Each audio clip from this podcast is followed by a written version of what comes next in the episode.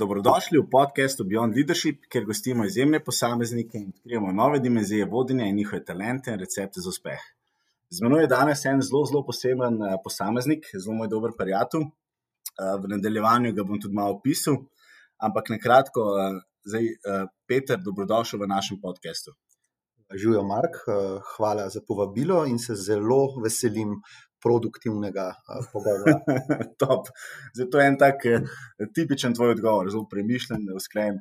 Zdaj, da boste vedeli, o kom govorim, z menoj danes Peter Merc. Um, pa gremo malce čez njegov izjemen CV, samo da boste vedeli, s kakšnim izjemnim posameznikom se danes pogovarjam. Uh, pa peva prvo malo na tvojo poslovno pot. Uh, ti si izkušen startup pravnik, osredotočen si v industrije fintecha, blockchaina, e-sporta, spletne trgovine, si ustanovitev podjetja Lemur Legal, si tudi ustanovitev podjetja Fintech Factory EU, eden izmed pobudnikov in pa članov uprave Združenja Blockchain Fintech, ki je zelo, zelo močno delovala na področju in še deluje blockchaina in pa kriptovalut.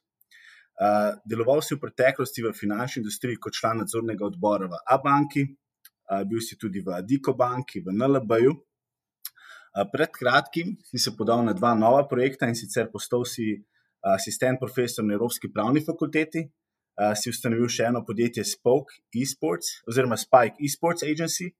Uh, zdaj si tudi mentor za startupe v različnih podjetniških inkubatorjih, govorimo o Ljubljanskem univerzitetnem inkubatorju, ABC pospeševalniku, RRA Koroška, Startup Slovenija, podjetniški sklad.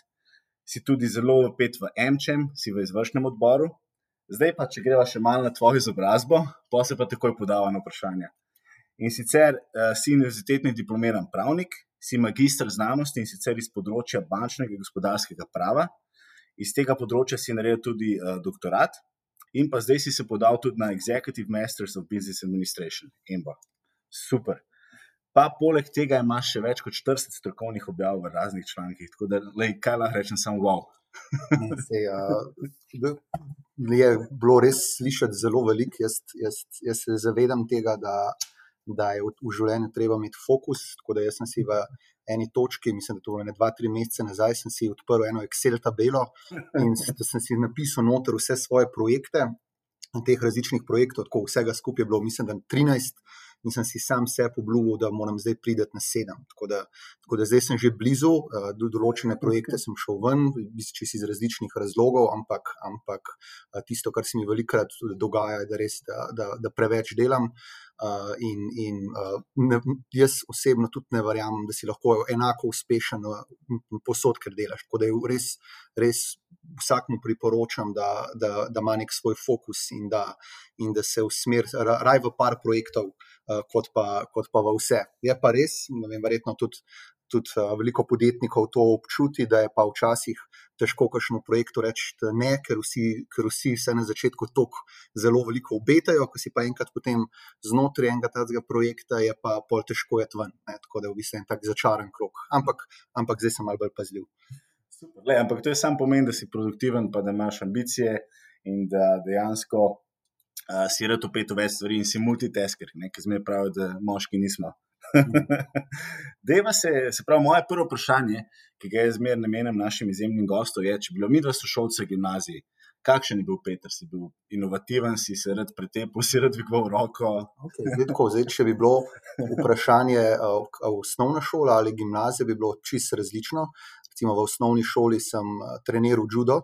In uh, takrat mislim, da sem imel samo jaz, pa en Safet, so imela čez deset podpisov v enem letu, uh, ker sem se pač skozi stepel. Uh, v gimnaziji, v gimnaziji sem bil pa zelo priden. V prvem letniku sem bil edini od fantov na gimnaziji Ledina, da sem bil prav dober. Tako da, tako da so me tudi učiteljice in učitelji imeli zelo radi, ker sem bil, uh, ker, sem bil kar se tiče uh, šole, zelo priden. Uh, ja, kar se tiče pa uh, mogoče žensk in tega, sem pa, ja, bi rekel, bolj, da sem bil sramežljiv, kar, kar bi pa tudi danes, glede na to, da sem zelo ekstravertiran, da, da mi, ne bi pri, uh, mi ne bi nekdo to pripisal, ampak ja, človek se spremenja čez leta.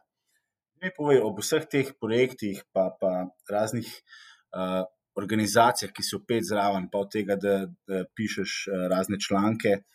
A imaš ti kakšno posebno rutino, oziroma A imaš še recept za uspeh, si v nedeljo zvečer pripraviš ali kakšen je tvoj urnik?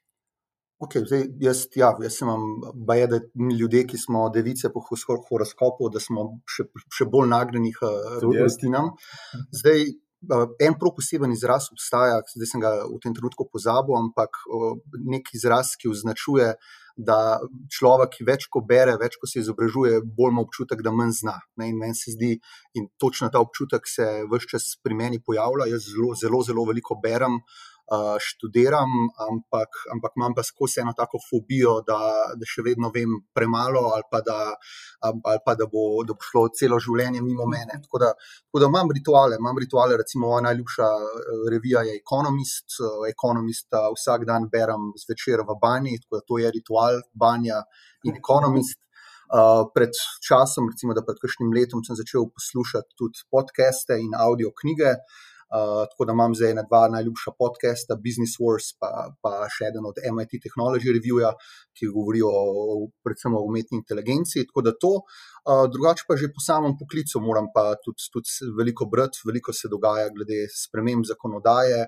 Uh, dejansko imamo v, v, v podjetju, kjer se dnevno ukvarjamo z različnimi strankami, uh, izzive, ki, ki ni izziv enak izzivu iz, iz prejšnjega dne, tako da, tako da moramo biti dejansko dejansko na tekočem, in kar se tiče industrije, kar se tiče, kar se tiče zakonodaje, in to te v bistvu vse sili v to, da, da moš imeti neke rituale, ko si prav rečeš, da evo, zdaj si bom pa ne vem, v torek, vsak torek med 10 in 12 uro.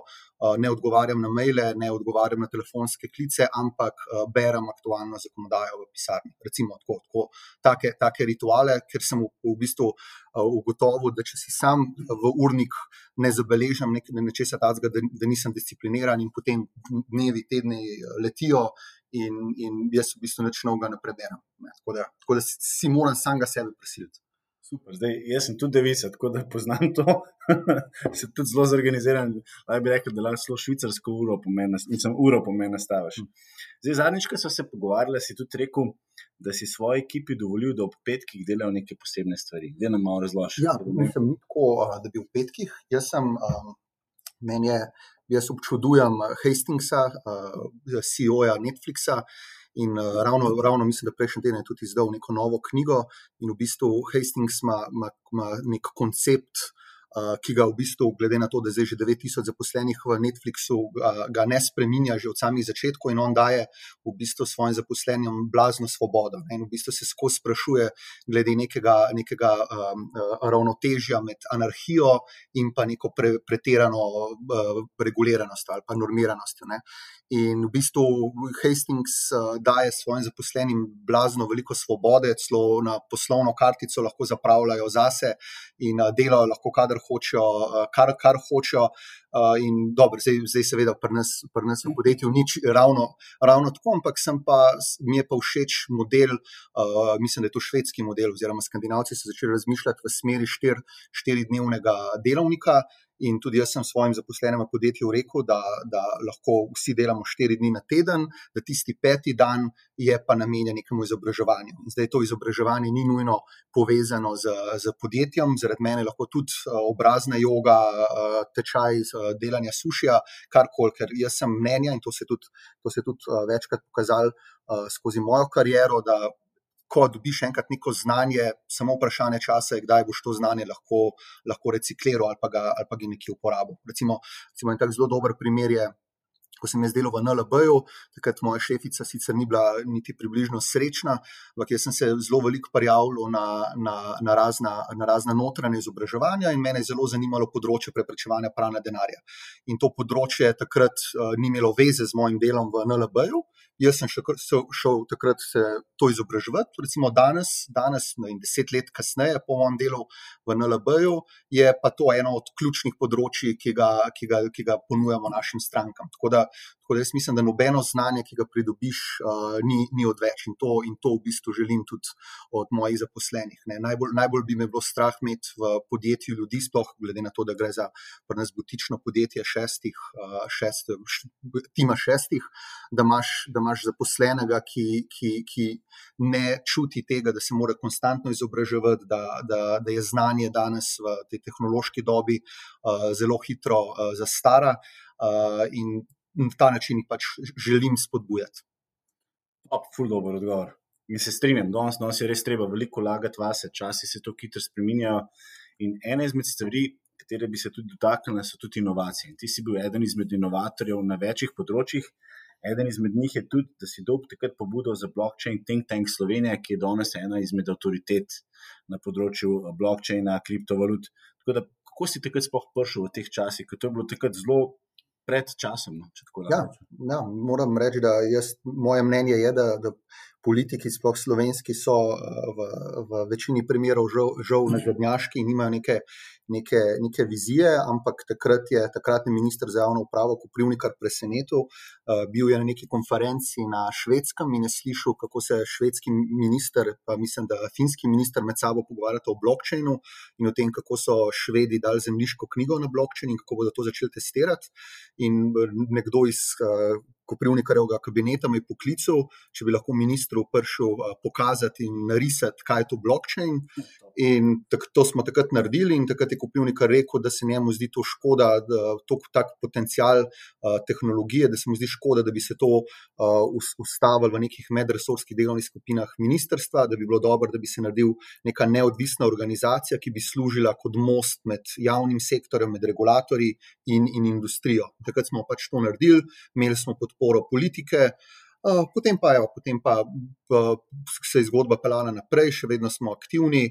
V teh letih smo vzpostavili zelo dober odnos z, z pristojnimi regulatorji, kar v bistvu vidim danes, da je glavna dodana vrednost celo, celotnega think tanka, da v bistvu zdaj deluje kot, nek, kot nek, neka, neka stranka za pogovore z regulatorji.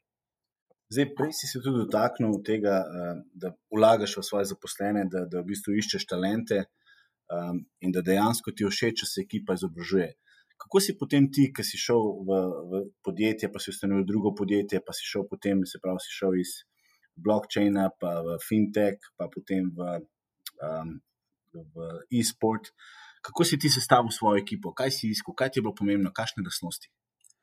Zdaj, zdaj to se čisto čist organsko uh, dogaja. Zdaj, jaz bi rekel, da tukaj ni neke, uh, da tukaj ni neke formule, ampak ponavadi, ponavadi iščeš ljudi, ki, so, ki so podobni tebi. Recimo, zdaj, čist, če se vrnem malo nazaj na vprašanje tega učenja in, in, in, in spoznavanja novih stvari. Recimo, jaz že pri delu v NLB-ju moram iskreno povedati, upam, da nam zdaj še moja šefica iz NLB-ja to poslušala, ampak jaz sem v, v NLB-ju svoje delo večinoma naredil v neto 4 do 5 urah. In, zdaj, in takrat si imel potem dve možnosti, ali bi, ali bi kofetko tam okoli uh, Maxija, in, po, kar je bilo sicer zelo vabljivo, glede na to, da je bilo praktično, da sem delal v centru ne, in je bilo vsi imel vse okoli. Ampak ne, jaz sem si že takrat uh, printil članke, uh, pisal potem članke, uh, potem študiral za doktorat, študiral za magisterij. Ne, in v bistvu, v bistvu se mi zdi, da. Da danes tudi iščem neke take ljudi, ki vidim, da imajo eno podobno, podobno to fobijo pred tem, da ne da, ne da mislijo, da vse znajo, ampak da mislijo, da nič ne znajo. Ne. Se pravi, zdaj ni, zdaj mogoče bo tele slišati, da, da, da, da iščem take nesamozavestne ljudi. Vsi si lahko uh, ti zelo, zelo samozavesten, ampak imaš pa neko zavedanje, da, da, da obstaja še dosti luken v, v tvojem znanju. No, in v bistvu, in v bistvu uh, kar si jaz želim narediti, uh, in, in v tej smeri zdaj tudi gradim ekipo, je, da, da jaz osebno mislim, da sem najboljši v, v iskanju posla, v, raz, v razvoju novega posla, ok, zelo rad tudi delam te najbolj bolj kompleksne stvari, ki so povezane predvsem z, z fintechom, torej razne take bolj kompleksne uh, pogodbe finančnega prava, kakšni taki bolj kompleksni splošni pogoji. Ampak moja, moja želja je, da podjetje oziroma zaposlene ali pa ekipo sestavim na način, da v roku leta, dveh, da, da prevzamejo to mlajši in v bistvu, da so oni tisti operativci, da jaz pa, jaz pa v bistvu res prevzamem v, v, v prvi vrsti uh, samo del uh, tega business developmenta. No, in tako v bistvu, v bistvu na ta način zdaj iščem uh, ekipo. Uh, jo jih pripeljem noter, kar, kar vidim, da je vedno bolj pomembno, pa včasih mogoče nisem, nisem toliko poudarka dajo temu, je, da, da mora biti ekipa zelo, zelo, zelo povezana. Recimo zdaj, uh, zdaj imam Špelo in Tejo, uh, ki sta super, mlajši pravnici in kar je še predvsem zelo dobro, je, da sta poleg tega zelo, zelo dobri prijateljici in imate vsako svojo pisarno, sedita nasproti druga drugi in dejansko vse čas teče komunikacija, posvetovanje, ena pomaga drugi skupaj delata, skupaj razvijata produkte in to je to. Ne. V bistvu, v bistvu moraš, moraš graditi gradit ne samo na, nekih, na nekem znanju glede posameznih področji, ker to, to, to je težko danes zgraditi, ker se, ker se te, te, ta področja tako hitro spreminjajo in danes dejansko smo learning by doing. Ne, ne moreš ne nekaj že, že, že znati, ampak se boš mogel naučiti to. Tako da bolj, bolj bi rekel, da je poudarek na tem, da, da, da, da se ljudje ujamejo ne, kot, kot ekipa, sploh, sploh v nekih takih manjših okoljih, kot smo mi. Ne, ker recimo zdaj, da, da pride v ekipo šestih nekdo, ki je tako destruktiven, pa karakterno popolnoma na, na drugačen drugačen od vseh ostalih, imaš, imaš hitro lahko težavo.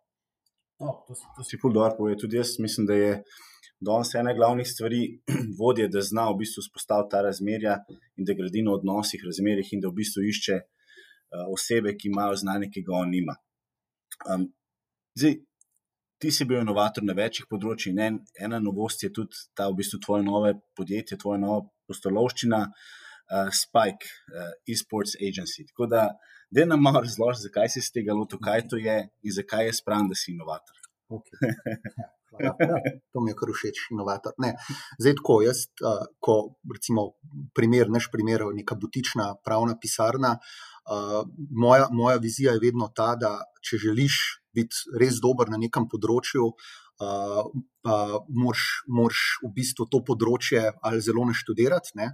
Uh, ampak takrat imaš potem, če, če, ga, če ga malo pozno začneš študirati, imaš vedno težavo, da, da, konkuren, da konkurence na trgu že obstaja. Zato sem jaz vedno razmišljal v smeri, da imamo odkriti neka nova področja, ki recimo pravniki, ki jih pravniki še, še ne razumejo. Ne? In, in takrat, in takrat če, če ima to področje dejansko nek potencial, potem imaš ti leto, dve leti časa, preden to konkurenca, recimo druge odvetniške pisarne, pravne pisarne, uh, to pogruntajo in se, in se vržejo noter, si v bistvu si ti že uh, trg sam sem bo naredil. Ne? Recimo, takrat, ko sem jaz odhajal iz banke, uh, takrat, takrat uh, startup ekosistem v Sloveniji ni bil niti približno tako razvit, kot je razvit danes. Recimo, ko sem jaz svojim kolegom v banki razlagal, da grem na svoje, da bom delal kot pravnik za startupe, so se mi vsi smejali, uh, rekoč, da v startupih itak ni denarja. In dejansko je bilo na začetku uh, težko, ampak, ampak zelo hitro se je pa izkazalo, da smo začeli potem delati za angelske investitorje, pa za, za pospeševalnike, recimo ABC Accelerator, pa Ljubljanski univerzitetni inkubator. Tako, tako da smo bili v bistvu eni prvih, ali pa celo mogoče res prvi, prva pravna pisarna v Sloveniji, ki so šli all in v, v, v start-upe. Potem enaka logika, dve leti kasneje. Uh, se pojavila s kriptovalutami in blockchainom, takrat se je enako, so se vsi uh, prijatelji, ki sem jim razlagal, da bomo šli mi pa zdaj v kriptovalute, so se mi enako smejali, da, da to je itak samo pranje denarja in da, da je to neko uh, IT. S, da ne bom rekel grde besede, ampak evo, dve leti kasneje so hotele biti največje odvetniške pisarne tudi, tudi zraven. No, in eno, zdaj zadnjo, zadnje take področje, ki se mi zdi, ki se mi zdi abnormalno velik potencial in ga v bistvu spremljam že kakšno leto, pa pol, je področje e-sporta. S tem področjem sem se srečal čisto slučajno.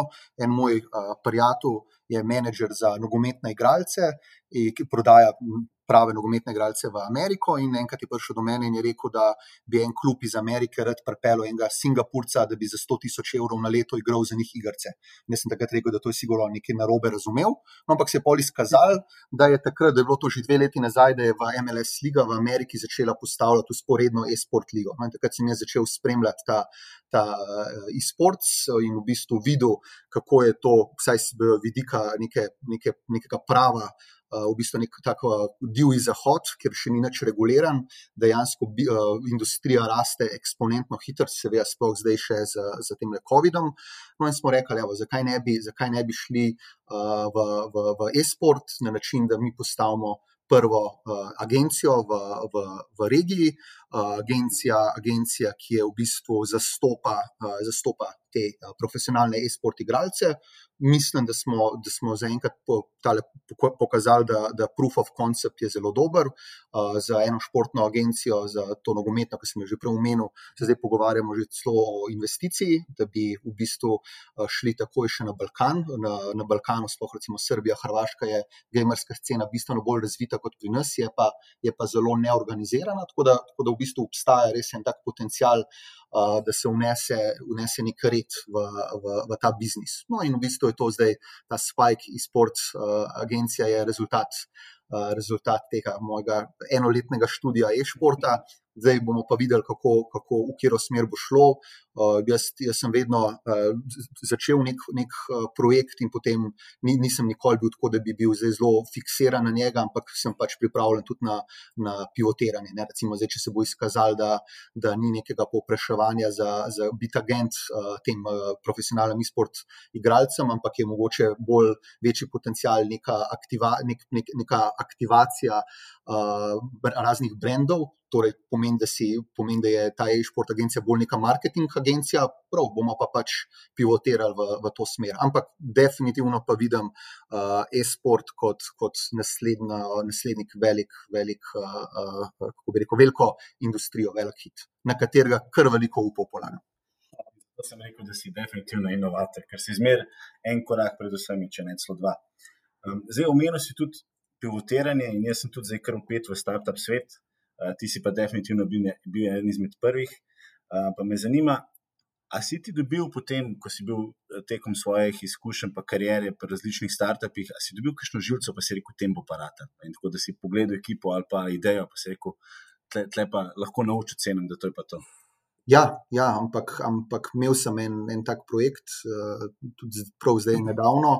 Sem rekel, da tem ne more spodleteti vrhunska ekipa, vsi zagriženi, ampak vse zdaj neki uh, stvari znotraj ekipe iskrijo. Tako da, ja, žal, žal, žal, žal je, je v startup svetu tako, da dejansko res ni nič. Uh, ni nič, um, kako bi rekel, gotovega, uh, ali pa na nasprotni strani. Ne, recimo, jaz sem vedno občudoval Nino Dremelj, da kako je ona, ona prepoznala potencial v teh malih junakih. Ne, da bi meni, recimo, prišli neki mali junaki, da bi jaz bil neki investitor, bi rekel, da to je pa, to je pa poslovna ideja, ki totalno nima smisla, uh, ki se jo da prekopirati, uh, v, v, v, v, ki jo lahko prekopira vsak, ki ima uh, denar za, boljši, za boljšo print ma, uh, mašino. Ampak, gledaj, vemo, vidimo, kaj danes to verjetno bo naslednji slovenski unikorn. Tako da, tako, da, tako da ne, eh, bi rekel, da bolj, da se jaz držim svojega pravnega biznisa, pa, pa presojo, uh, kje so res dobri start-upi, potencijalni, uh, ali pa kje ne prepustim drugim, ker sem se res veliko že zmotil. Ne peva še malo to debato, ker na naši podcast Beyond Leadership posluša tudi ogromno mladih študentov, pa podjetnikov, ki, ki še le začenjajo.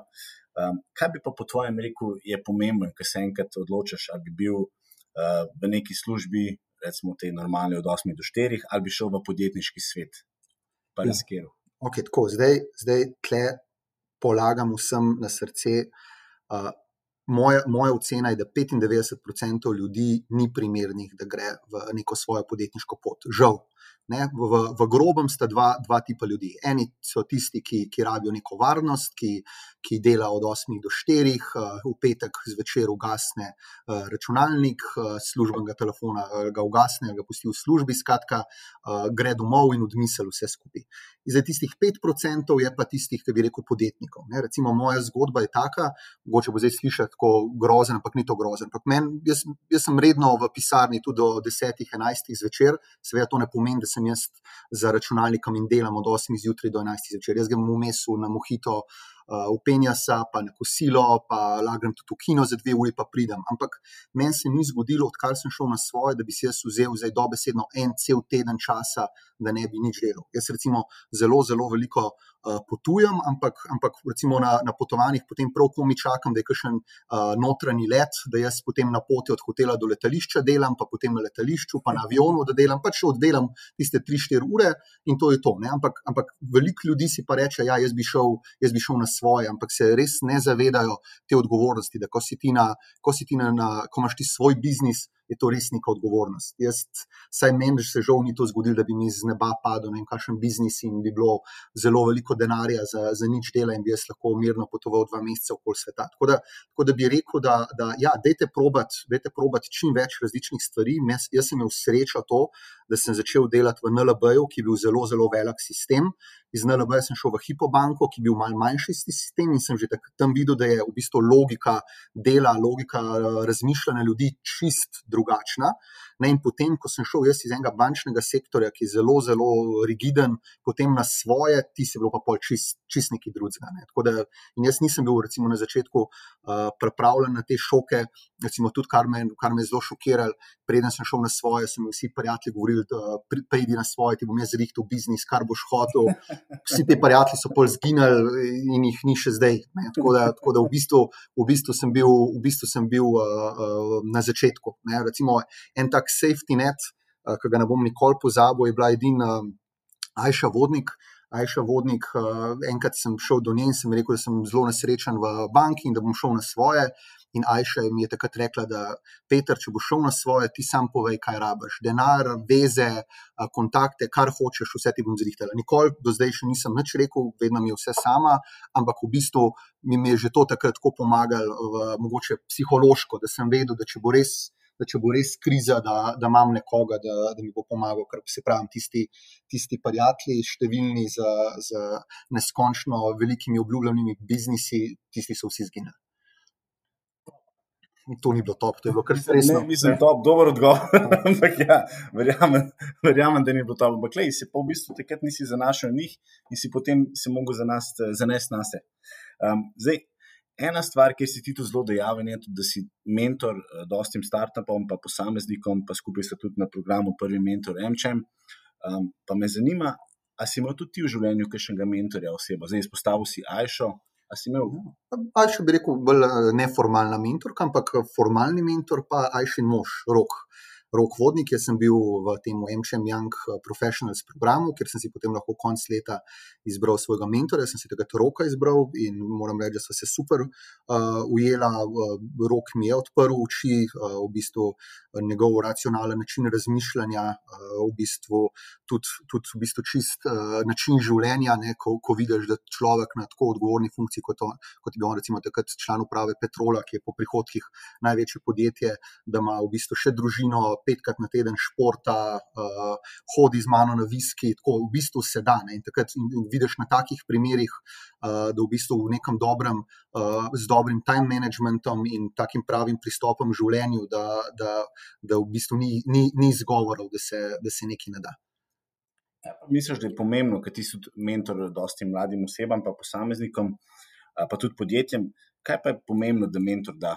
Kaj, kaj v bistvu ti potem daš svojim mentorirancem? Jaz, jaz bi rekel tako, da je, da je, da je pri, pri mentor odnosu pomembno, da se oba dva učita drug od drugega. Da, da ni zdaj per se, uh, da, se, da se šteje, da se bo pa zdaj, uh, da bo mentor predajal neko znanje mentorirancu. Recimo, jaz, jaz ko sem imel svojega, svojega mentoriranca, mi je bilo predvsem njega zelo zanimivo poslušati uh, način razmišljanja zdajšnjih, zdajšnjih generacij, ker dejansko vse poznane. To smo zdaj, recimo, deset, deset let razlike in, in, in način razmišljanja je čist drug. Tako da, tako da bi rekel to, da se pri, pri nekem takem odnosu mora izhajati iz tega, da se res drug drugega poslušata.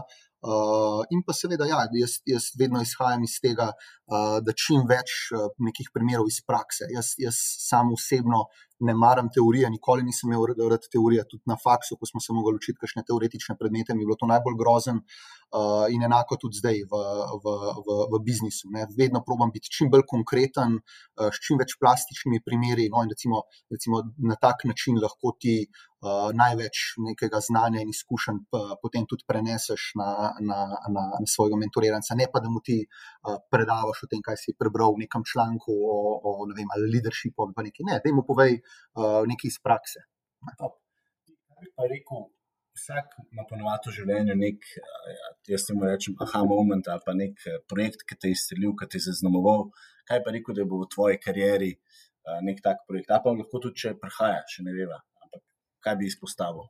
Ne, jaz, jaz mislim, da, da uh, recimo, ko se pogovarjam z svojimi sodelavci in sodelavkami iz, iz bank, ne, 90% jih je še vedno ostalo tam, čeprav so bili nesrečni že leta 2008, še ko sem jaz tam delal, ampak 12-13 let kasneje so še vedno tam. Ne? In v bistvu sam sebe sem vedno čudoval ravno, ravno, ravno v tem, da sem, da sem se upal narediti ta odločilen korak. Ker tudi, tudi meni bi se lahko zelo hitro zgodil, da bi, da bi ustal še tam, leta letijo, potem se zgodi kakšna finančna kriza. Um, Naenkrat, na recimo, bi bil trg uh, bančnikov preplavljen, uh, jaz bi bil neprepričan ne, ne, ne v svoje neko znanje, In potem bi bil tako ujetnik v nekem takem podjetju, in, in naenkrat bi bil tudi jaz noter v, v banki 40 let. Tako da, tako da ta moj aha moment, ja, bi rekel, bi rekel evo, zdaj nazaj pogledam to, da sem res takrat napisal z tresočimi rokami uh, odpoved v Hipotu in potem dva dni razmišljal, kako bom zdaj to uh, izročil uh, šefu odpoved in pol to naredil, in kakšen je bil tisti občutek uh, uh, sreče, ko sem to dejansko naredil. Um, čeprav mislim, da so moji stari takrat dva dni jokali doma, da, da sem šel iz varne službe v banke v, v start-up svet, ampak nikoli mi niste tega starša priznali. Ampak ja, evo, to, to bi rekel, no, da, je, da, da je sigurno najbolj zaznamoval uh, za enkrat mojo kariero. Zdaj, ti si definitivno en izmed predstavnikov teh, bomo rekla, vodij prihodnosti ali pa novodobnih vodij ki dejansko veliko lagaš v zaposlene, dovoliš jim, da se izobražujejo, da imajo v bistvu štiri dni dela, en dan so prosti. Uh, verjetno ti tudi precej vračajo nazaj, da si jih opolnomočil. Uh, kaj bi rekel, da se bo potem lastnosti, tvoje dobre lastnosti, pa lastnosti dobrega vodja? Ker vemo, da danes tudi digitalizacija je prišla, pandemija, uh, veliko se je okoli tega pogovarjali, talenti so prišli na plano, dobri vodje so se v bistvu tudi pokazali. Ja, jaz, jaz mislim, da ena, ena taka glavna lasnost, pozitivna, ki mislim, da bi mogel imeti vsak član ekipe, ne zdaj samo vodje, je neka taka odprtost. Ne. Recimo, mi imamo zdaj, da sicer še nismo uh, uresničili, ampak uh, slišali smo za švedsko navado FIKO. Uh, da se lahko. Ja, no, skratka, fika je, da se enkrat na teden uh, nekdo v pisarni nekaj speče in potem uh, sedimo. Eh, popovdne in se pogovarjamo, čisto mimo, mimo, mimo vsega. Ne, recimo, taka stvar se mi zdi zelo, zelo pozitivna, zato ker daje neko sproščenost v pisarno, vsak ima, vsak ima možnost uh, povedati, kakšno svoje mnenje, kakšno svojo uh, bolečino. Tako da to je ta neka uh, zelo odprta komunikacija. Recimo, kar mi je bilo tudi zelo všeč, glede komunikacije odprte. Uh, recimo, jaz sem se blazno, blazno sekiral med, med, samo, med to prvo karanteno, takrat je nam, nam uh, pa sem bil prepričan, da glede na to, da smo mi digital business, da se nam ne bo več poznalo, ampak je bilo katastrofalno, to je bilo tako čez noč čez noč je zginilo vse, vse tako da april, marca, april sta bila, sta bila grozna meseca in vem, da, vem, da veliko ljudi je imelo um, imel tole karanteno, time of their life. Jaz, jaz sem se dejansko zelo, zelo, zelo veliko presekiral takrat. Uh, no, ampak mi je bilo recimo, zelo pomirajoče, ko smo se enkrat na teden slišali z ekipo, vsak je povedal, mal, kako je depresiven zaradi tega. Jaz sem povedal, kako poznam že vsako drevo uh, na Šišenskem hribu po imenu, ker sem vsak dan trikrat hodil tja gor, ker ni bilo ni bilo druge. Tako, tako, no, spravim, tako da, evo, mogoče je res tvoj uh, odgovor na tvoje vprašanje. Jaz bi rekel, da je glavna, glavna je tista neka odprtost, da, da poveš. Če tebe kaj muči, da poveš, da, da z vsemi deliš vizijo, jaz, jaz nobenemu v podjetju uh, nič ne skrivam, uh, uh, vsem povem svoje plane. Uh, pravim, tudi, tudi, na način, tudi na način uh, imamo pogodbe tako nastavljene, da, da je vsak motiviran, da je bolj, še bolj prijazen do strank, zato ker, ker dobi določen procent od, od določenih produktov. Tako da, tako da v bistvu neko tako pozitivno okolje, uh, kjer, je, kjer, je, kjer je res uh, čim manj nekih pravil. Uh, seveda je pa vedno, vedno težava ta, da, da pa lahko in verjetno se mi bo to tudi kdaj zgodilo, če, če, če bomo kot podjetje zrasli, da upa nekdo, da je taka pravila začel tudi zlorabljati. Jaz upam sicer, da ne bo zaenkrat, zaenkrat te, ki so uh, cenijo tako svobodo, ampak. Če pa bodo, če se bodo kdaj to obrnili, bomo pa mogli verjetno tudi udariti po mizi, pa, pa, pa biti manj, manj, manj, manj liberalni. Zdaj, ogromno se tudi pogovarjali o startupih. In vem, da pri startupih je ogromno nekega pivotiranja, izzivov, napak. Verjamem, da si tudi ti v svoji karieri, ki si šel v take in drugačne projekte, doživel že kakšne izzive. Um, in veliko se tudi pogovarjamo in vidimo samo neke uspehe, nazive. Uh, kaj bi po tvojem bili v tvojem življenju, zdaj, ki tebe gledamo, rečemo, da si founder tega podjetja, zdaj si tam opet, si v, v upravnem odboru tam. Kaj so bili pa neki izzivi na tvoji karjerni poti, da še malo v bistvu predstava mladim študentom, mladim podjetnikom, da prihaja do izzivov in da zmeri bo prišlo? Ja, mogoče se vrnem tja, kjer sem že bil na začetku. Skratka, vsem priporočam, da so res zelo selektivni pri, pri izbiri projektov. tudi če projekt mogoče na začetku zgleda, kot da, kot da ne bo neki velik dela, vsak resen projekt se zelo hitro izkaže, da zahteva celega človeka ali pa zelo, zelo veliko časa. Recimo, jaz sem podobno razmišljal, ko sem še delal v, v banki. Sem rekel, da bom jaz uh, začel delati lemur tako, kot, kot svetovanje startupom, in potem, ko mi bo posel za, za laufo, bom dal odpoved v banki. Ampak sem zelo hitro videl, da, da če ti hočeš hoditi na, na, na dogodke, če se hočeš dobivati s strankami, potem se ti ne moreš dobivati s strankami od petih do šestih zvečer. Uh, ne moreš se zmišljati v službi, da, da, vem, da greš za tri ure na kosilo, uh, pa greš recimo na nek startup dogodek. Ne. Tako, da, tako da zelo treba biti selektiven pri, pri, pri izbiri teh projektov. Jaz v preteklosti žal nisem bil. Uh, kar še posebej priporočam dodatno je, da bodite pozorni, uh, s kom greste v projekte. Uh, velik, velik uh, projektov, velik startup projektov in tudi drugih projektov uh, se zelo hitro izkaže kot projekt brez, brez nekega resnega potencijala, ne zdaj, ne zdaj zaradi ideje, ampak zaradi uh, ekipe. Ne. Recimo, če se boste pogovarjali z, z resnimi investitorji v startupe, oni bodo vedno rekli, da ne investirajo v, v idejo, ampak investirajo v ekipo. Ne. Tako da, dajte se pozanimati, danes lahko vsakmu človeku veliko zveste, dajte se vprašati malo okol uh, o tem človeku, uh, kakšno imajo ljudje mnenje, uh, ali je v redu, ali, ali, ali, ali, ali se predstavlja vam čist nekaj drugega, kot je, ali ima mogoče že on tisoč drugih projektov, pa je pa tle le mogoče samo nek freerider, če bo ratelj, bo ratelj, ti, ti si pa tisti, ki bo večino dela delo. Tako da tak nek tak research je, je, je treba narediti. In jaz, teba, jaz sem zdaj na teh magičnih številki sedem, se približujem. Uh, in moram, biti, moram reči, da ravno, ravno zadnjič je prišel en tak spet nek, nek zanimiv projekt iz področja gaminga. Sem dobil neko, neko ponudbo, če bi bil zraven kot, kot nek co-founder, ampak točno vem, kaj pomeni biti co-founder. To pomeni, da spet dva, tri dni na, na teden sigurno dela za, za neko tako stvar, če hočemo to resno izpeljati, in žal, žal, žal ne morem. Tako da v bistvu sem potem raj, raj pri, pri takih projektih, sem potem v obliki nekega mentorja, ker pomeni, da se, da se dobimo. Vem, enkrat na 14 dni, ali pa me pokličajo in kaj konkretnega svetujem, in, in s kakšnimi, s kakšnimi konkretnimi ljudmi uh, povežem. No, tako, tako da jaz, moja, moja filozofija je ta, da moš imeti vedno nek core business, tisti biznis, ki ti prinaša uh, neke prihodke, da lahko, da lahko uh, normalno živiš in da v bistvu lahko tudi vlagaš potem v, v, v druge projekte. Ne. Recimo v mojem konkretnem primeru sta to Lemur Legal in Fintech Factory, tukaj imamo napeljan posel, čist pravno svetovanje tehnološkim podjetjem, startupom, medtem ko, med ko te razni moji drugi projekti, uh, to so pa v bistvu ne pričakujem nekih resnih prihodkov, uh, recimo v tej e-sport agenciji, saj še kakšno leto, dve, ker vem, da vemo, da, da če hočeš ti to vse postaviti, eh, narediti ekipo,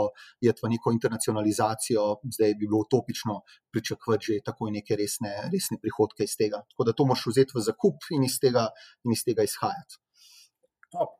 Zdaj, kar neki ulog si že zamenil, uh, od tega, da si, delal, da si bil zelo močno upet v bančni svet, uh, potem si zdaj v bistvu uh, founder, oziroma imaš svoje podjetje, celo dva, upet si tudi razne te um, različne organizacije, svetuješ.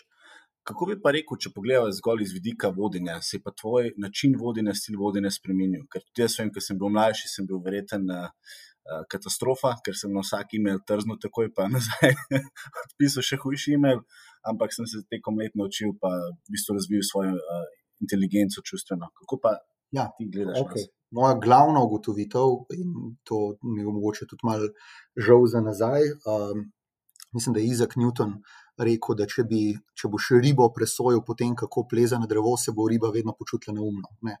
In v bistvu, v bistvu zdaj, ko če nazaj pogledam, dejansko, dejansko nekateri ljudje smo bolj za neki, drugi, drugi, drugi nismo. Ne, recimo, meni ena telefonska prodaja, jaz si sploh ne predstavljam, kako bi to naredil. Meni bi bilo to grozno. Ampak recimo, eni ljudje so pa rojeni za to, ali pa nasplošno neka, neka prodaja, nevrjetno, kako so eni sposobni ti prodati praktično vse. Ne. Recimo, meni to, men to čist neka, neki, neki skreganga. Ne. Tako, da, tako da dejansko zdaj res gledam, gledam na to, da, da, da ne moš pričakovati od vsakega vse, ali pa da ne moš uh, um, v bistvu.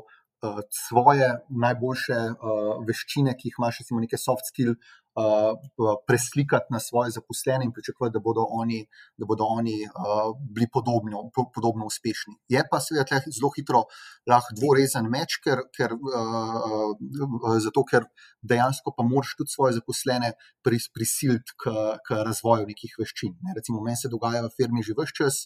Da jaz zelo, zelo rad predavam in, in zelo veliko predavam. Ne.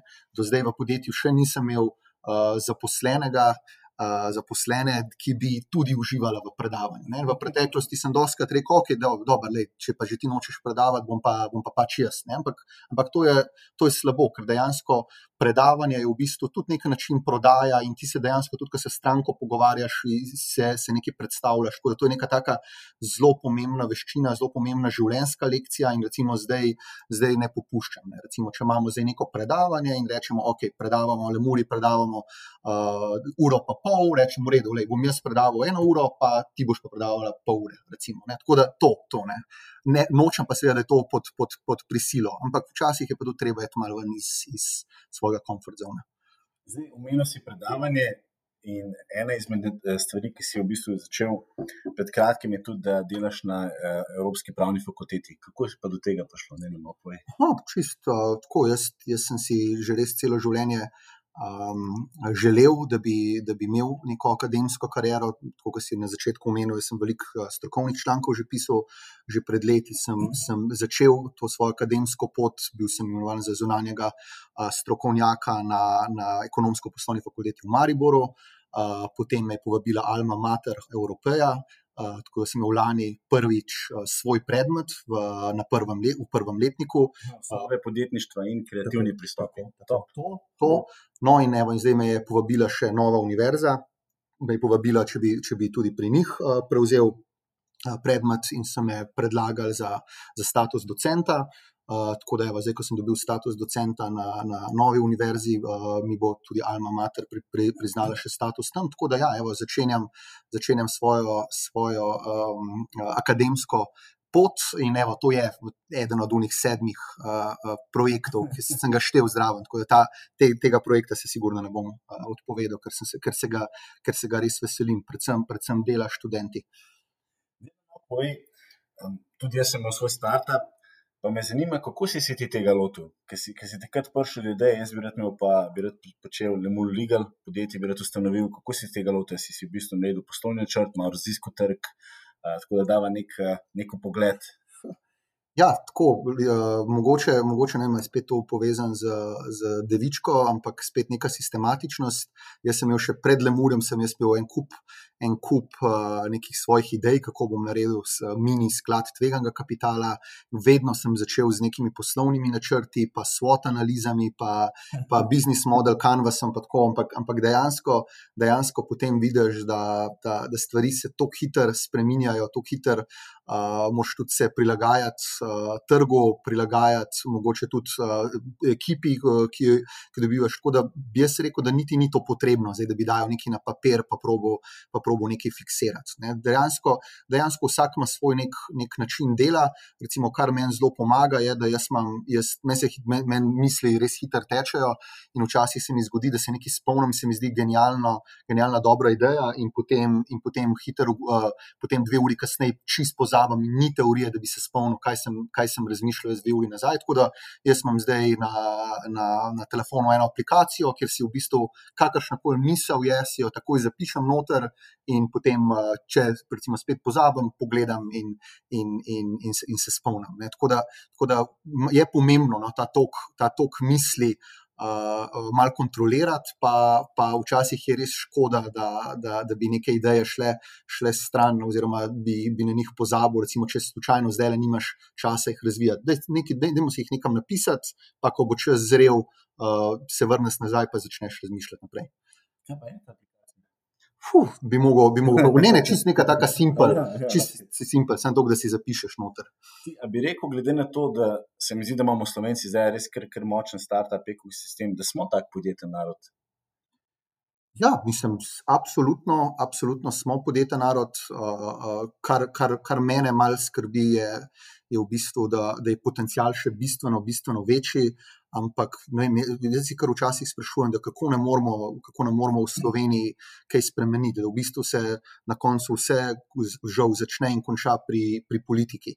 Recimo en tak zelo, zelo dober primer je, ki ga sam res ne razumem, pa mogoče niti ni tele primerno, da zelo ne razlagam, ker je bolj političen, ampak to, da, to, da recimo, da, da, da v Sloveniji nimamo enega filoruš uh, sklada tveganega kapitala za, za start-upe, da so, pa vem, da so hoteli priti v Slovenijo, pa ni bilo posluha politike in je šel zdaj Filoruš na Hrvaško in zdaj vsi slovenski start-upi, najboljši start-upi, tudi Biping, recimo, ki je bil start-up leta vem, 2018, 2019, 2018, mislim, da je šel na Hrvaško. Skratka, to se mi zdi, to se mi zdi neponovljivo, mislim, nepojemljivo, da, da dejansko deset let že gradimo ta start-up ekosistem, potem pa, potem pa tega ne končamo. Ne, kaj, kaj zdaj delamo, da dejansko najboljši slovenski start-upi bežijo, v, bežijo na Hrvaško. Ne. Tako da, kaj nam bolj pomaga to, da imamo, da imamo tle uh, genialne podjetnike, uh, da imamo neko podporno okolje, ampak ko ti prideš do neke resne faze, ko rabiš neko B-rundo investiranja, pa teh sredstev ni in si, in si potem prisiljen iti v,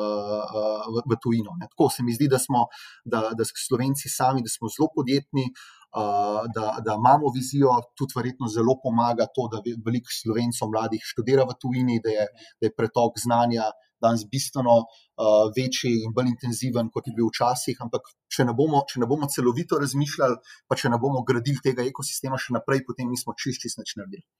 Ja, se strinjam. Mislim, da je ena velika prednost Slovenije, no, da že avtomatično gledamo globalno, ne, ker imamo mehen trg. In jaz to gledam kot veliko prednost. Meni se tudi velika prednost je to, da praktično izmer podarim, da lahko v dveh kontaktih priješ do praktično kjerkoli slovenca oziroma slovenke, ki jo rabiš. Um, izpostavil si se tudi tujino, da radi hodimo v tujino, da nas veliko se nas izobražuje tam in se nas je. In ti si tudi delal prakso v tujini. Ti si delal v bistvu uh, Professional Fellows Program uh, US Department of State. Tako da Da nam malo piši, kako je ta, tudi bil si pa v Washingtonu, če se ne motim. Bil sem v Washingtonu, Chicago, mogoče tako bolj uh, bom dal splošen odgovor, kar, kar mene zelo presenetilo. Recimo, ko sem bil jaz na tej praksi, to je bil od US Department of State, mislim, da sem bil tri mesece v Ameriki. Uh, tudi v preteklosti sem delal veliko s tujino, recimo zelo veliko z, z Švico. In kaj me je, kaj me je presenetilo, da vidiš, da dejansko Slovenci smo zelo, zelo dobri. Samo, samo nimamo nekega PR-ja. Ne? Recimo, uh, čisti primer nekih kripto, kripto, kripto biznisa.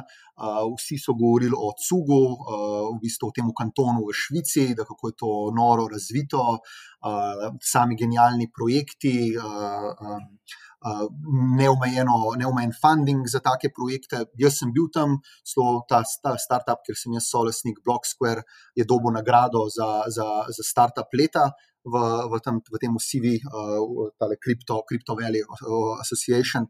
In dejansko, ko si pa ti tam in zdaj dovolja ali, ali za Ameriko, ali za, ali, za, ali za Švico, vidiš, da to je v bistvu res veliko, veliko dajo v, v PR, objavljajo v najboljših uh, revijah, kaj vse delajo, ampak ko si pa ti tam, pa vidiš, da je to v bistvu samo neka kulisa, da, da, smo Slovenci, da smo Slovenci primerljivi. Žal, žal, pa tega, žal pa tega ne znamo tržiti. Recimo, zelo dober primer je bil ta Švicar, ki sem omenil, da smo za njega delali.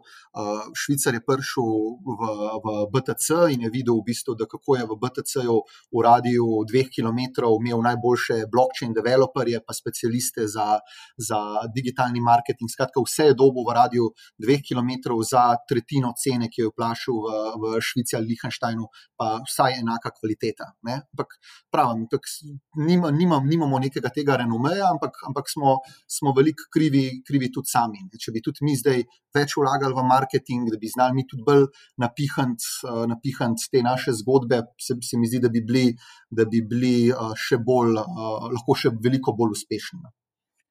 Reten, kar se tiče blockchaina, pa kriptovalut, bi po mojem se oba strinjala, da prekapita smo po mojem številka ena, pa vsaj top tri, tri na svetu. Pa ti si bil upet v ogromnih projektih, tudi rekel si, da si v bistvu eden izmed solasnikov Blocksquare, bil si pri Cryptixu, pri Ligmi, pa verjetno jih lahko še ti našteješ vsaj ene pet. Kako pa misliš, da smo Slovenci prišli od tega, da smo ratali eni od vodilnih sil na področju blockchaina oziroma kriptovalut? Ja, ponovadi je vedno povezan to z nekim, z nekim legacyjem. Recimo, meni se zdi ključen, ključna vloga, recimo čist pri vprašanju umetne inteligence, inštitut Jožef Štefan. Recimo, tle se ve že, desetletja, da imamo vrhunske eksperte in to, da je, da je zdaj od UNESCO center za, za, za umetno inteligenco prišel v Slovenijo, to sigurno ni slučaj. In tle, tle pri blockchainu je pa enako. Tle, tle Bitstamp je naredil ogromno za, za ta ekosistem na, na, na, na prepoznavnosti, predvsem pa, predvsem pa to je že več kot deset let stara zgodba. To pomeni, da se v Sloveniji uh, že deset let vzgajajo kadri, ki veliko vejo o tej tehnologiji, te kadri krožijo med podjetji, grejo v tujino, pridajo nazaj, odprejo, odprejo svoje podjetje. Recimo tudi GateHub je tudi eno, eno zelo uspešno kriptopodjetje, milijon pa pol uporabnikov. Uh, tudi je bil ustanovitelj, ustanovitelj um, GateHuba in je bil tudi del uh, Bitstampa prej in evo, se je tam nekaj naučil, uh, začel razvijati svoj posel ne, in, in tako to gre. Ne. Tako da v bistvu, v bistvu uh, kar jaz mislim, da Slovenci, glede na to, koliko smo mehni, ne moramo biti konkurenčni v vsemu, ampak jaz upam, da na dolgi rok se bomo pa izkazali tistih nek, nekaj, nekaj par industrij, kjer smo pa lahko zelo. Globalno, globalno konkurenčni ne, in da bomo to potem uh, razvijali, ker res nima smisla, da, da mi naše resurse dajemo v, v čisto vse. Zdaj, kje bodo pa ta področja, se mora pa, po mojem, čist pokazati samo od sebe organsko. Mi povej še potem, ker so že na, tem, na temi blokčinu, pa kriptovalutah. Kaj pa ti misliš o kriptovalutah? Ker vem, da ogromen slovencev je takrat investiral, še zdaj investira, malo smo si špekulirali. Bolj, ko smo podarjali, ne se zadolžiti, vložite kapital, ki ga lahko izgubite, bolj so se ljudje zadolževali. Tako da me zanima, kakšno je tvoje mnenje o kriptovalutah? Ja, zdaj, tako, je zelo, zelo široko vprašanje. Mene, mene predvsem boli srce, Jaz sem bil nekajkrat na, na različnih televizijah, recimo televizija Slovenija, uh, ena pa tudi Planetu, kjer so bile, kjer so bile tema pogovorov, predvsem te kriptoprevare. In v bistvu tam res srce boli, ko vidim, kako so ljudje naivni. Ampak se je zdaj mogoče naivni reči, to je malo. Bi lahko rekel, da so pretirano, ne? ker te, te prevare so danes tako zelo sofisticirane s takim socialnim inženiringom, da, da res v bistvu kako na, na, na tak psihološki pristop spravijo tudi iz zelo razgledanih ljudi, iz previdnih ljudi, spravijo na koncu tisti denar ven. Tako da, tako da to je tisti en, en ta negativni del.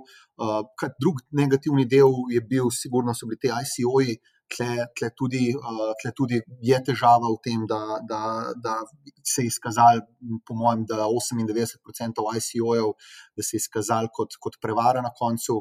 Uh, jaz osebno vem, da, da, da s tem še ni konc, tako da tle ne smem povedati. Uh, Kaj se dogaja, ampak se dogajajo stvari, tako da jaz mislim, da tukaj vsaj, vsaj določeni ti projekti uh, bodo, bodo doživeli nek sodni epilog, uh, kar, kar je prav. Uh, drugačne splošno, če me vprašate, kot, kot v sami tehnologiji, je pa tehnologija z abnormalnim potencialom. Tudi zdaj, če spremljate, kaj se dogaja na ravni centralnih bank. Evropska centralna banka razmišlja o digitalnem evru od leta 2021, švedi sploh ne bodo imeli več fizičnega denarja, ampak bo samo še e-krona. Uh, tako da v bistvu te CBDC, to so Central Bank Digital Currencies, to je v bistvu, v bistvu je blockchain kot tehnologija daleč najbolj primerna ravno, ravno za, za stvari, o katerih se zdaj pogovarjajo najbolj kompetentni globalni globalni finančni regulatori na svetu. Tako da, tako da blockchain, blockchain ali pa recimo, če bolj pravilno rečemo, uh, tehnologija teh distribuiranih knjig, uh, kot neka nadpomenka blockchaina, je sigurno, je sigurno nek, ima nek uh, neskončen potencial. Pa ne zdaj samo z vidika, ne samo z vidika nekih finančnih transakcij, ker vemo, da gremo vsi v, v smer neke cashless society, ampak tudi, tudi z vidika raznih zemljiških knjig, uh, digitalne identitete in tako naprej. Pa mislim, da smo Slovenci pripravljeni na to, um, ker dejansko mi ponovadi pravimo, da Amerika je nekaj let pred nami, Švedska je potem nekaj let še manj, še manj pred nami, potem smo pa ponovadi mi pridemo na vrsto. Kako misliš, da smo Slovenci odprti? Tudi zdaj smo videli, da v času pandemije se je povečala prodaja prek spleta, smo začeli več uporabljati kartice, ampak ne še toliko, kot bi si dejansko ljudje mislili. Ja, jaz bi rekel, da je tudi spet eno tako zelo, zelo široko vprašanje, ampak bi rekel, da smo Slovenci v, v, v osnovi preveč previdni, smo pa tudi pragmatični. Seveda, potem, ko se, ti, ko se ti spremenijo okoliščine in ko ti, ko ti kaj drugega niti ne preostane, potem, potem si pač pripravljen na določene spremembe. Ampak recimo pri nas je večji problem ta, da imamo, da imamo v kakšnih primerih tudi zakonodajo pretirano rigidno. Ne. Recimo imamo, imamo zakonodajo o preprečevanju pranja denarja, ki, ki bi mogla biti enaka na ravni ravni celotne Evropske unije, ampak potem slovenski regulator doda neke svoje pogruntavščine noter in v bistvu slovenske fintehe uh, naredi nekonkurenčne v, v primerjavi z, z uh, evropskimi uh, fintehi. Ne? Recimo, ok, tle, tle je rešitev ta. V konkretnem primeru se bo tudi zato zgodilo, da bo da pač Evropska komisija sprejme, oziroma Evropski parlament sprejme uredbo na ravni Evropske unije, ki potem dejansko velja za vse države ne, in potem države same ne more spremenjati. Tako da, tako da tle je nek tak preplet, preplet zakonodaje, preplet previdnosti ljudi, ampak, ampak bi rekel, da gremo kar v, v, v korak s časom, ampak bolj, bolj v, v, neki, v neki hitrosti povprečja uh, Evrope. Recimo Švedi, to, kar si rekel, jaz mislim, da so Švedi uh, deset let uh, pred nami, vsaj še tudi dosti pred Ameriko. Recimo, recimo Švedi pa, pa Kitajci so, so, so mogoče primerljivi, dobro, Kitajci imajo malo drugo, drugo logiko, ampak kar se tiče neke, neke logike uh, monetarnega sistema, uh, brezgotovinske družbe, pa, se pa sploh ne moramo še primerjati. Zdaj, eden izmed projektov, kjer so bili oba tu zraven, je tudi Bitcoin City, ne? ki je tudi rado tako, kot si prej omenil. Dejansko smo naredili neki PR, ampak ni bilo pa tako prav globalno, kot bi si zaslužil ta projekt. Ne? Dejansko lahko, mislim, da je že koliko več kot 100-150 lokacij, ki lahko plačujejo s kriptovalutami, če se ne motim. Um, deva, deva se še malo dotakniti uh, tebe kot Petra. Kaj pa, kaj pa ti, recimo, počneš, kaj tebe sprošča? Danes vemo, da je tempo, je življenje kar hiter, uh, praktično smo peti cel dan, imamo telefone, ki so naši najboljši prijatelji in jaz, kot ti, so oba skozi dosegljiva, ampak ne zato, ker ne bi si tega želela, ampak imamo oba strast do dela. Tako da, da mi boj, kaj delaš ti, da se malo sprostiš? No, tako, jaz, jaz, ja, meni men se doskrat zgodi, da, da imam recimo dosto vsega, da gledam tam neko pogodbo tri ure pol, pol moram si malo to razbiti, na način, da grem nekaj drugega delati, ali pa celo da grem kaj ven, pa pol pridem nazaj. Ampak eh, recimo svojo rutino si tudi uh, razbijam z šahom. Jaz sem začel eno leto nazaj resno trenirati šah, Zdaj, ne da sem, da sem dober, ampak, ampak napredujem. Tako da, tako da imam enega uh, ruskega učitelja, ki pride enkrat na teden k meni v pisarno in potem me tam uči, od otvoritve, uh, končno igro. Uh, tako, tako da imam zdaj na, na, na telefonu čez.com, potem je seveda vsakič enkrat na teden, ko dobim, ko dobim tale screen, screen time, ki mi pokaže, da sem vem, po sedem ur na, na, na dan na telefonu, se kar zgrozim, ampak bolj vidim, da od teh sedmih ur je 90% mail ali pa, ali pa šah. Dobar, to, to, to mora malo mal zmanjšati. Tako da, ja, enkrat na teden v pisarni učitelj šaha. Uh, jaz sem imel um, eno tako smolo v gimnaziji z učiteljico nemščine, ker smo se ekstremno bali, tako da meni se je nemščina zelo, zelo zamerila. Čeprav sem se preučil 8 let nemščino, ampak takrat se mi je totalno zamerila in potem protestno nisem želel govoriti. Uh, deset let več nemško, tako da evo, sem tudi zdaj v bistvu enkrat na teden pride v pisarno učiteljica nemščine, ki, ki pripravi članke iz Držpigla uh, na temo kriptovalut, na temo volitev uh, Trump-Biden in se v bistvu potem nič ne piševa, ampak samo, uh, samo govoriva. Tako da, tako da to je tudi v bistvu potem en tak, uh, tak način uh, sproščanja. Drugač pa Netflix, po mojem, sem gledal čisto vse mafijske nanizanke. Na, ja, pa najljubše. Pa, Piki Blinders, verjetno. Ja, ja Piki Blinders, sigurno. Zdaj sem gledal še, lik sem zaključil Inmate, ampak ni bilo nič posebnega. Tako da to mora tudi malo no, se odvaditi, ker se mi zdi, da kar poneumlja, ker se tudi tele so tako nastavljene, se te nanizanke, da, da z lahkoto gledaš osem delov v enem kosu in ti gre hiter sobota in nedela in potem si spet nazaj na delovniku. Tako da, tako da ja, Netflix je tudi sigurno ena, drugače pa košarka, tenis, imam eno poker družbo še iz časov faksa, tako da to enkrat na, na, na mesec igramo uh, poker.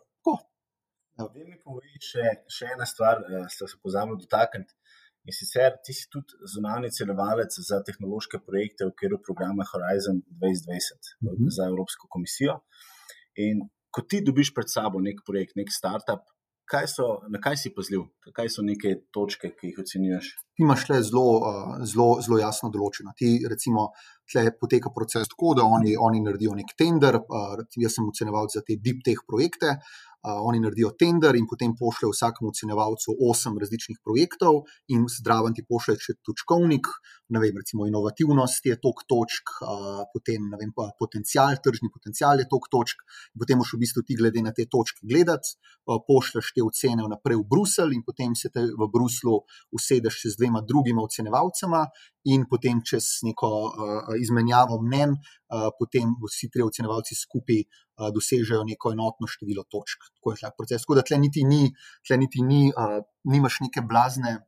Diskrecije, ampak ja, seveda se pa, se pa pozna, recimo, uh, se točno zelo hitro se vidi, kje vloge so profesionalno napisane, kje vloge so pa tako zelo indijansko, matersko napisane. Recimo, ker ko ti dobiš uh, uh, eno vlogo, pa je v bistvu isti razpis, pa je vloga napisana na 20 straneh, ena pa na, na 160, pol točno veš, da na 160 je, je, je, je, je pol brez veze noter, ker je neka navlaka. Tako da tisti, ki znajo pisati, uh, bodo točno uporabljali ta prave besede, vrstni red, in kar tudi seveda potem ulajša ocenevalcem, ki, ki potem gledajo, da to je noter, to je noter, to je noter. Tako da, tako da neka konsistentnost, uh, egzaktnost uh, je, je v, bistvu, v bistvu tisto, kar, kar, kar upaziš pri bolj resno zasnovanem projektu.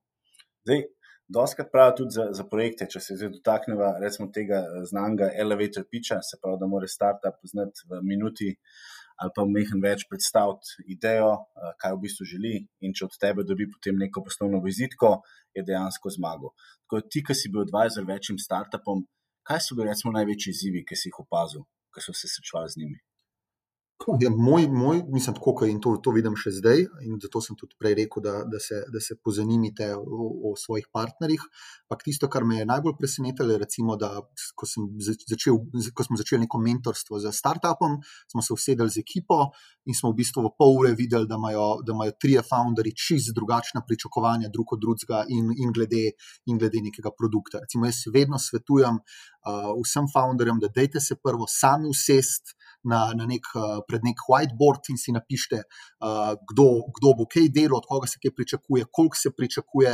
Ne, recimo, ravno sem delal z enim startupom, ki tudi mislim, da ne bodo več dolgo fun funkcionirali. Razlog je bil pa ta, da je, da je en founder mislil, da bo drug founder dal uh, odpoved v podjetju, zato ker ta prvi founder je dal uh, in ta drugi founder je, je res to mislil, da, ampak šele potem, ko bi jim tam biznis zalaufal. In ko so v bistvu po nekem takem pogovoru, in to so, to so oni pol leta potem, ko so že projekt začeli, so videli, da imajo dejansko čist različna pričakovanja uh, od, od, poteka, od poteka projekta. In, in, in v bistvu jaz mislim, da je to eden glavnih razlogov, da, da se začne ekipa, uh, da začne ekipa hitro, hitro razpadati.